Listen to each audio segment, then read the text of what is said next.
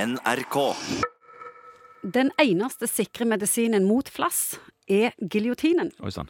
Et sitat jeg fant på internettet. Og doktor Munkvik, stemmer det?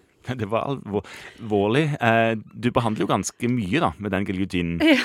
Hodepine og alt. Ja, og jeg t- tviler på at steroider hjelper. Men hva er det med kla- flass? Hvorfor får noen det? Eh. Hvorfor er det så vanskelig å få vekk? Ja, det er, Flass er jo egentlig en naturlig avskalling av eh, hud på hodebunnen. Det er ikke naturlig hvis det kommer veldig mye, vel? Nei, nei, sant? for det er når du er inne på eh, hva er på en måte naturlig og hva er ikke naturlig. Det handler om livssyklus til huden oppå hodet. Vanligvis så tar det mm, lang tid fra en eh, hudcelle oppå hodet på en måte dør og avskalles og forsvinner ut i verden som flass.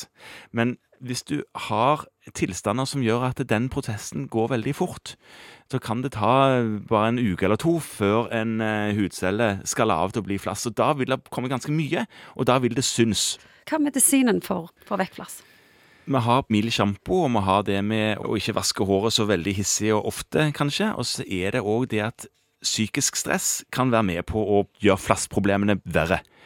Så det hjelper å ha det godt. De, sant? de hjelper å ha det godt, og de hjelper å spise godt. De hjelper å spise godt med frukt og grønnsaker og ha et sunt kosthold. Det kan virke på. De hjelper med sol. That's it. Der er jo ikke så mye mer. Nei? Og det er derfor Dessverre. giljotinen kanskje er best? Der, ja, giljotinen kan, kan jo hjelpe, selvfølgelig. Men, men husk nå òg at, som du var inne på litt, grann, at flass er ikke alltid bare flass. Det kan være at du har en sykdom i hodebunnen. F.eks. at du har en eksemtilstand i hodebunnen. og Da finnes det legemidler som du kan bruke, selv om du har hår på hodet, som kan, som kan dempe det. Du kan ha psoriasis, og der kan du òg ha legemidler som kan roe ned symptombildet litt. Grann. Er det mange som kommer til doktor med flass?